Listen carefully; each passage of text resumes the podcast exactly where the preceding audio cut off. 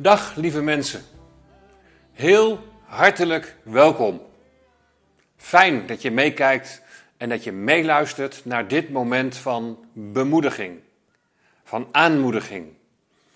Want dat hebben we nodig, zeker ook in de tijd waarin wij nu leven. Zometeen, na afloop, dan horen we weer een prachtig lied. Een lied van Sela. Het lied Breng ons samen één in uw naam. Dat is mijn verlangen. En ik hoop dat het ook jouw verlangen is. Natuurlijk zijn we dankbaar en is het prachtig dat we door de techniek ook op deze manier ja, toch enigszins samen kunnen zijn. Dat ik met jullie kan delen uit het woord van God. Maar het diepste verlangen is dat we elkaar zullen ontmoeten. En dat we zij aan zij zullen staan om de Heer te loven en te prijzen en Hem te eren en te aanbidden. Ik zou je willen aanmoedigen, als we straks dat lied horen, om het dan mee te zingen, echt vanuit je hart, maar ook als een gebed. Als een verlangen. O Vader, breng ons samen, één in uw naam. Eensgezindheid. Dat is een thema wat iedere keer weer terugkomt in de brief die Paulus heeft geschreven aan de Filippenzen. Ze hebben het niet makkelijk. Er is druk van buitenaf, druk van binnenuit, voortdurend. Voortdurend staan ze onder druk en worden ze vervolgd. En daarom, juist daarom, juist in moeilijke tijden, dan is het zo belangrijk om eensgezind te zijn. Schouder aan schouder te staan samen te strijden en te zien wie u bent. Dat lied ken je ook vast nog wel. Breng ons samen, één in uw naam. Sela die zingt dit lied vanuit Deventer, de plaats waar Karin en ik geboren en getogen zijn. We hebben daar 50 jaar van ons leven gewoond. En ze zingen het vanuit de Lebewineskerk. Lebewinus. Ook iemand die weet wat vervolging is, net als de Filippenzen. Hij is geboren in Engeland, maar het grootste gedeelte van zijn leven heeft hij doorgebracht in de zogenaamde lage landen. Dus in Nederland onder andere. In 754 gaat Lebewinus naar de kerk van Utrecht en Gregorius van Utrecht, die geeft hem dan de opdracht om het huidige Gelderland en Overijssel te kerstenen. Daar moeten de mensen dus tot bekering komen. Daar wonen de heidense Saksen.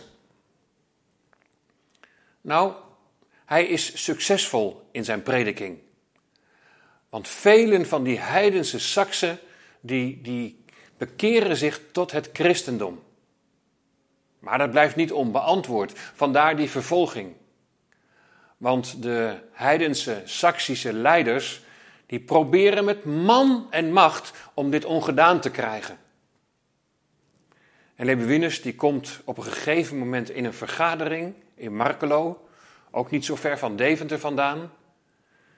En als door een wonder wordt hij daar gered voor de woede van de Saksische leiders. Lebewinus, hij weet dus ook wat vervolging is. En vervolging is dus van alle tijden.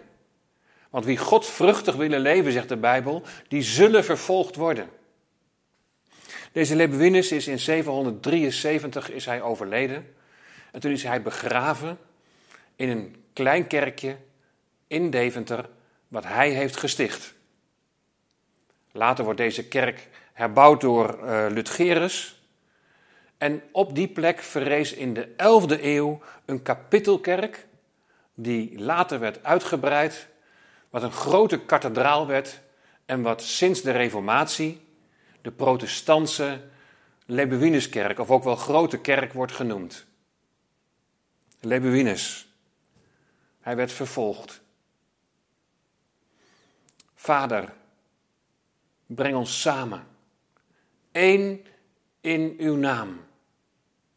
En dan zingen ze bij Sela verder: U roept ons samen voor woord en gebed als deel van uw kerk wereldwijd.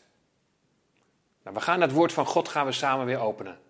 En ik ga met jullie lezen Filippenzen 4, vers 2 tot en met 9. En daar lezen we het volgende. Ik roep Euodia, ik roep Sintige ertoe op eens gezind te zijn in de Here. Ja, ik vraag ook u, mijn oprechte metgezel, help deze vrouwen die samen met mij gestreden hebben in het evangelie. Ook met Clemens en mijn andere medearbeiders, van wie de namen in het boek des levens staan. Verblijd u altijd in de Here. Ik zeg het opnieuw, verblijd u. Uw welwillendheid zij alle mensen bekend. De Heere is nabij. Wees in geen ding bezorgd, maar laat uw verlangens in alles door bidden en smeken met dankzegging bekend worden bij God. En de vrede van God, die alle begrip te boven gaat, zal uw harten en uw gedachten bewaken in Christus Jezus. Verder, broeders, al wat waar is, al wat eerbaar is, al wat rechtvaardig is, al wat rein is, al wat lieflijk is, al wat welluidend is, als er enige deugd is en als er, als er iets prijzenswaardigs is, bedenk dat. Wat u ook geleerd en ontvangen en gehoord en in mij gezien hebt, doe dat. En de God van de vrede zal met u zijn. En zoals Lebewinus het woord verkondigde, onder andere in Deventer, zo mag ik dat nu ook doen. Destijds in Deventer, nu in Emmeloord, hier in de Noordoostpolder. Het woord van God zal niet ledig wederkeren. En het is mijn verlangen dan ook dat je door dit woord bemoedigd zult worden. En dat je aangemoedigd zult worden. Misschien is er ook wel een correctie in je leven nodig. God weet wat je nodig hebt. Nou, die eensgezindheid, waar we straks van zullen zingen, één in uw naam, die eensgezindheid staat dus centraal in deze brief. En daar begint ook dit Bijbelgedeelte mee. Twee zusters worden aangesproken. Ik roep Euodia en ik roep Sintige ertoe op eensgezind te zijn in de Here. Nou, als zij daartoe opgeroepen worden, dan zal er wel een stukje verdeeldheid zijn. Het vermoeden is dat die verdeeldheid niet ligt in een, in een ja, verschillend inzicht wat de leer betreft. Anders had Paulus dat wel toegelicht. En had hij de waarheid verkondigd en duidelijk gemaakt wie er gelijk had. Waarschijnlijk heeft het iets met karakters te maken. Wie weet wat er tussen hen is gebeurd. In ieder geval, Paulus moet ze ertoe oproepen om eensgezind te zijn. En ik wil jullie allemaal daartoe oproepen. Wees eensgezind in de Heer. Verdeeldheid, dat is funest voor de gemeente van de Heer Jezus Christus. En ik heb al eerder gezegd, we mogen rustig verschillend over dingen denken. Maar laat het niet tussen ons in gaan staan. Laat het niet het werk van de Heer belemmeren. Laat het niet het getuigenis van de gemeente belemmeren. Maar laten we steeds weer samen de wil van Christus ontdekken. Laten we steeds weer samen dat verlangen hebben om in zijn weg te gaan. En dat we elkaar daar ook in mogen aanspreken. Als dat niet zo is.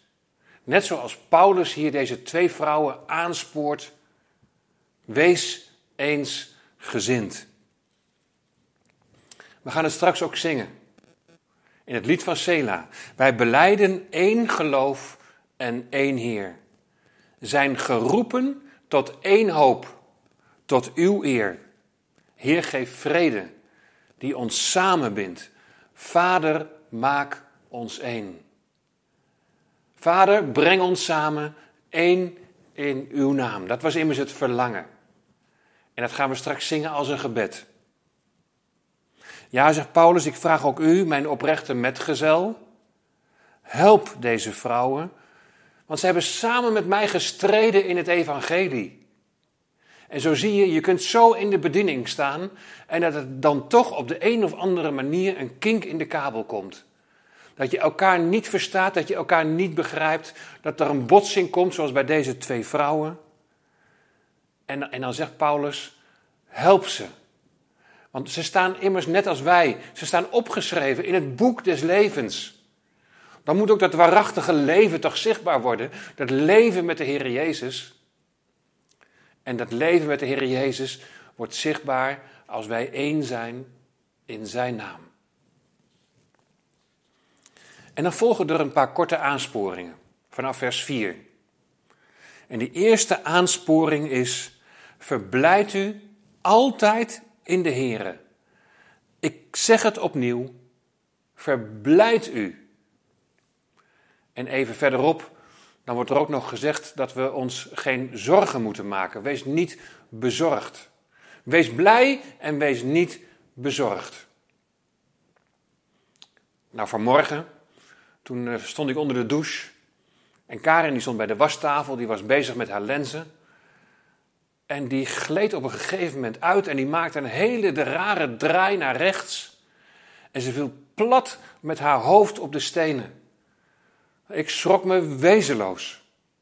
Maar ik zei, Karin, verblijd je in de Heren. Wees in geen ding bezorgd. Nee, natuurlijk zeg je dat niet op dat moment. Ik stond gewoon te trillen. Ik dacht echt bij mezelf: hoe is het mogelijk dat een hoofd dat aan kan? En ik vreesde het ergste. Gelukkig viel het allemaal mee. Gelukkig is ze weer eh, hersteld en gaat het allemaal goed. Iets om dankbaar voor te zijn. Maar er kan je zomaar iets gebeuren. Er kunnen allerlei moeilijke omstandigheden zijn. En ja, wat zegt dit vers ons dan? Verblijd u. En dan staat er ook nog bij, altijd. Niet alleen maar op de momenten dat het je goed gaat, maar juist ook in de moeilijke momenten. Verblijd u altijd. Maar goed, nu stop ik ergens waar ik niet moet stoppen, want je moet doorlezen. En dan staat er: verblijd u altijd in de Here. En Paulus die benadrukt het nog een keer extra. Hij zegt: Ik zeg het opnieuw, verblijd u. En zie je, die blijdschap is niet een blijdschap die altijd gerelateerd is aan je omstandigheden. Want het kan soms zo ontzettend moeilijk zijn in je leven dat op basis daarvan er maar heel weinig reden tot blijdschap is. Maar hier staat: verblijd u altijd in de Here. Verblijd je in Hem. Als Paulus dus schrijft, verblijd je altijd in de Here, dan betekent dat niet dat er nooit emoties mogen zijn.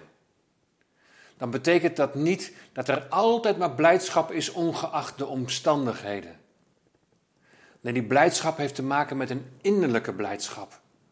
Een innerlijke blijdschap in de Here. Het is een blijdschap en je verheugen in God die jou onvoorwaardelijk lief heeft. Je verheugt je in Zijn genade. Je verheugt je in Zijn gerechtigheid, Zijn rechtvaardigheid. Hij is de enige die rechtvaardig is. Je verheugt je in Zijn goede tierenheid, in Zijn trouw. Je verheugt je in Zijn soevereiniteit. En je verheugt je in Zijn werk aan het kruis van Golgotha. Volgende week is het weer Goede Vrijdag. En dan staan we stil bij het lijden en sterven van de Heer Jezus.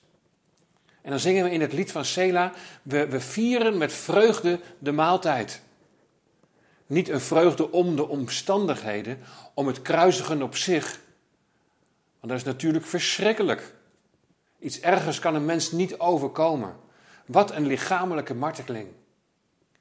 Maar we verheugen ons daarin dat aan het kruis de boze is verslagen. We verheugen ons dat aan het kruis verzoening is gebracht. Dat jou en mijn zonden zijn vergeven. Verblijd je altijd in de Heer, ook in zijn opstanding. Dat Hij een levende Heer is en dat Hij leeft door zijn geest in jou en mij. Uw welwillendheid zij alle mensen bekend. Uw vriendelijkheid staat hier, zij alle mensen bekend. En er staat erbij, de Heere is nabij. Wij leven in de verwachting van zijn komst. En dat vervult ons met die blijdschap. Wetende dat er een moment zal komen dat aan al het lijden in deze wereld een einde zal komen. En als we in die verwachting leven, dan, dan roept Paulus ons, op, Paulus ons op van wees dan ook daar een getuige van en, en laat jouw vriendelijkheid aan alle mensen bekend zijn. De Heer nabij duidt niet alleen op de toekomst, maar de Heer is nabij is ook een kwestie van dat Hij door zijn geest in jou en mij woont. Zo is Hij ook nabij. En het is de geest van God die de vrucht van de geest in jou en mij wil uitwerken. Ook de vrucht van vriendelijkheid, van welwillendheid. Kennen mensen jou als een vriendelijk mens?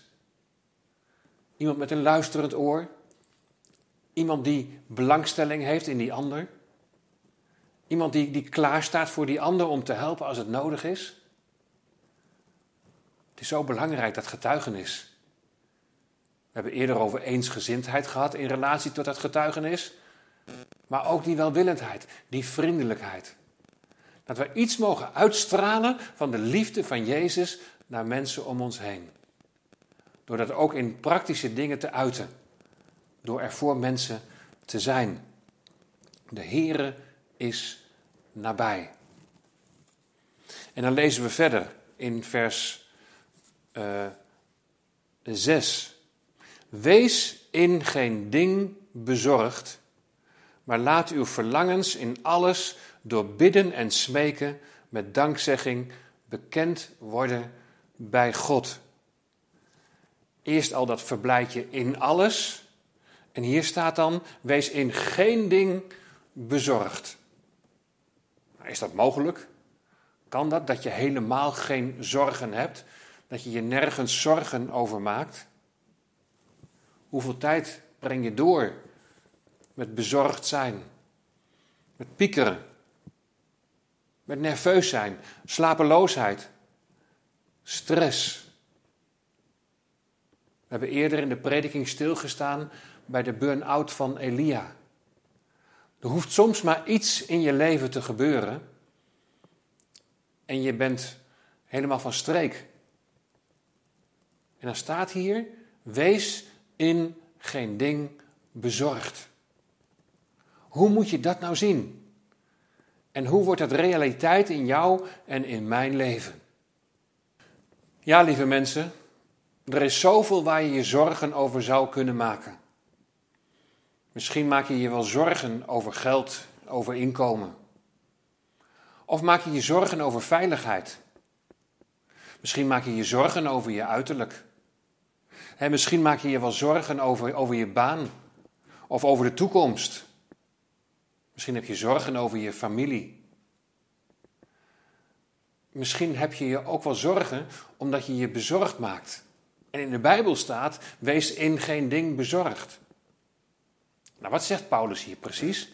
Wees in geen ding bezorgd, maar laat uw verlangens in alles door bidden en smeken met dankzegging bekend worden bij God. Dus, als er bezorgdheid is, breng het bij God. En wat kan dat helpen? Dat je gewoon even je verhaal kwijt kunt. Dan hoeft nog niet eens direct alles opgelost te worden, maar dan valt er een last van je schouders dan moet de Heere God, dan moet de Heer Jezus Christus natuurlijk wel realiteit zijn in je leven. Dan moet het natuurlijk wel zo zijn dat je Hem kent. En dat je een relatie met Hem hebt.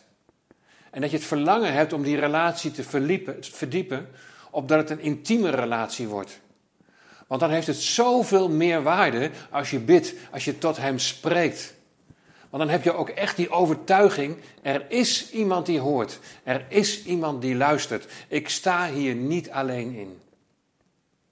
Breng alles bij God. En breng het daar staat hier met dankzegging.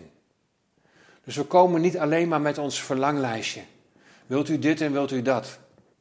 Nee, we komen met dankzegging. Met dank in ons hart. Dus zijn er zorgen? Ja, er zijn inderdaad soms zorgen die heel reëel zijn. Maar Paulus roept hier op: breng het bekend bij Hem die jou lief heeft, die voor jou wil zorgen, die er voor jou wil zijn. En wat gebeurt er nu op het moment dat je je zorgen met dankzegging bekend maakt bij God? Niet een dankzegging voor de zorgen, maar een dankzegging om wie God is die naar jou wil luisteren. Die het verlangen heeft om jou te helpen en jou rust te geven. Dan komt die geweldige belofte in vers 7. Dus als je bidt en je maakt alles bekend voor zijn aangezicht, dan mag je ook staan op die belofte. Die belofte waar het volgende staat en de vrede van God, die alle begrip te boven gaat, zal uw harten en uw gedachten bewaken in Christus Jezus. De belofte dat je shalom zult ontvangen, zijn vrede, zijn heelheid. En hij zal uw harten en gedachten bewaken in Christus Jezus. Dat bewaken moet je lezen in een militaire context. Als een schildwacht staat de Heer om jou heen, om jouw hart en jouw gedachten te bewaken. En die gedachten, ja, die zijn vaak een probleem. Die schieten zomaar alle kanten op. Jouw gedachten geven je onrust. En belooft de Heere God hier? Ik wil jouw gedachten wil ik bewaken. Die wil ik in goede banen leiden, opdat je mijn rust en mijn vrede zult ervaren. En dan tot slot, vers 8. Een zogenaamde deugdenlijst. In de toenmalige filosofische Grieks-Romeinse wereld was dat heel bekend en heel normaal. Een deugdenlijst. Dus de Filippenzen zullen hier iets herkennen. En wat lezen we dan? Verder, broeders, al wat waar is, al wat eerbaar is, al wat rechtvaardig is, al wat rein is, al wat liefelijk is, al wat welluidend is, als er enige deugd is en als er iets prijzenswaardigs is, bedenk dat. Zie je, dat bedenk dat heeft weer met je gedachten te maken. Bedenk de positieve dingen. Bedenk al wat waar is. we leven nu in een tijd dat je misschien geneigd bent om steeds maar weer gefocust te zijn op wat niet waar is en wat allemaal niet klopt en wat allemaal niet juist is. Maar je krijgt juist zoveel meer positieve energie op het moment dat jij je richt op datgene wat positief is. Dat je je richt op datgene wat waar is. Dat je je richt op die ene ware. Op Hem die de waarheid is, de Heer Jezus Christus. Dat Hij jouw leven bepaalt. Bedenk al wat waar is en wat eerbaar is, wat rechtvaardig is, wat rein is, et cetera, et cetera. Richt je daarop. En je zult kracht en energie en verlangen ervaren om dicht bij de Heer te leven en je relatie met Hem te verdiepen. En zo, lieve mensen, zijn we aan het einde gekomen van een achtdelige serie over de brief die Paulus heeft geschreven aan de Filippenzen. Dit is voorlopig even weer de laatste door de weekse overdenking. Ik hoop dat je er wat aan hebt gehad, dat het je heeft bemoedigd, dat het je weer een stukje richting heeft gegeven in navolging van Christus. En ik wens jullie van harte God zegen toe. Vader, breng ons samen één in uw naam. Dat is mijn diepe verlangen. En dat is mijn gebed. En ik hoop dat het ook jouw gebed is. Zing het lied dat we nu gaan horen, dan ook als een gebed en als, het verlang, als een verlangen mee. Ik hou van jullie. God zegen.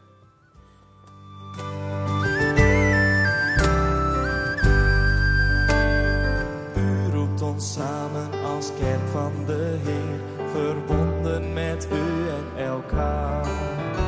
Wij brengen u lof, geven u alle eer, eendrachtig, veelstemmig en dankbaar. Jezus is gastheer en nodigt ons uit. Waar Jezus woont, voelt de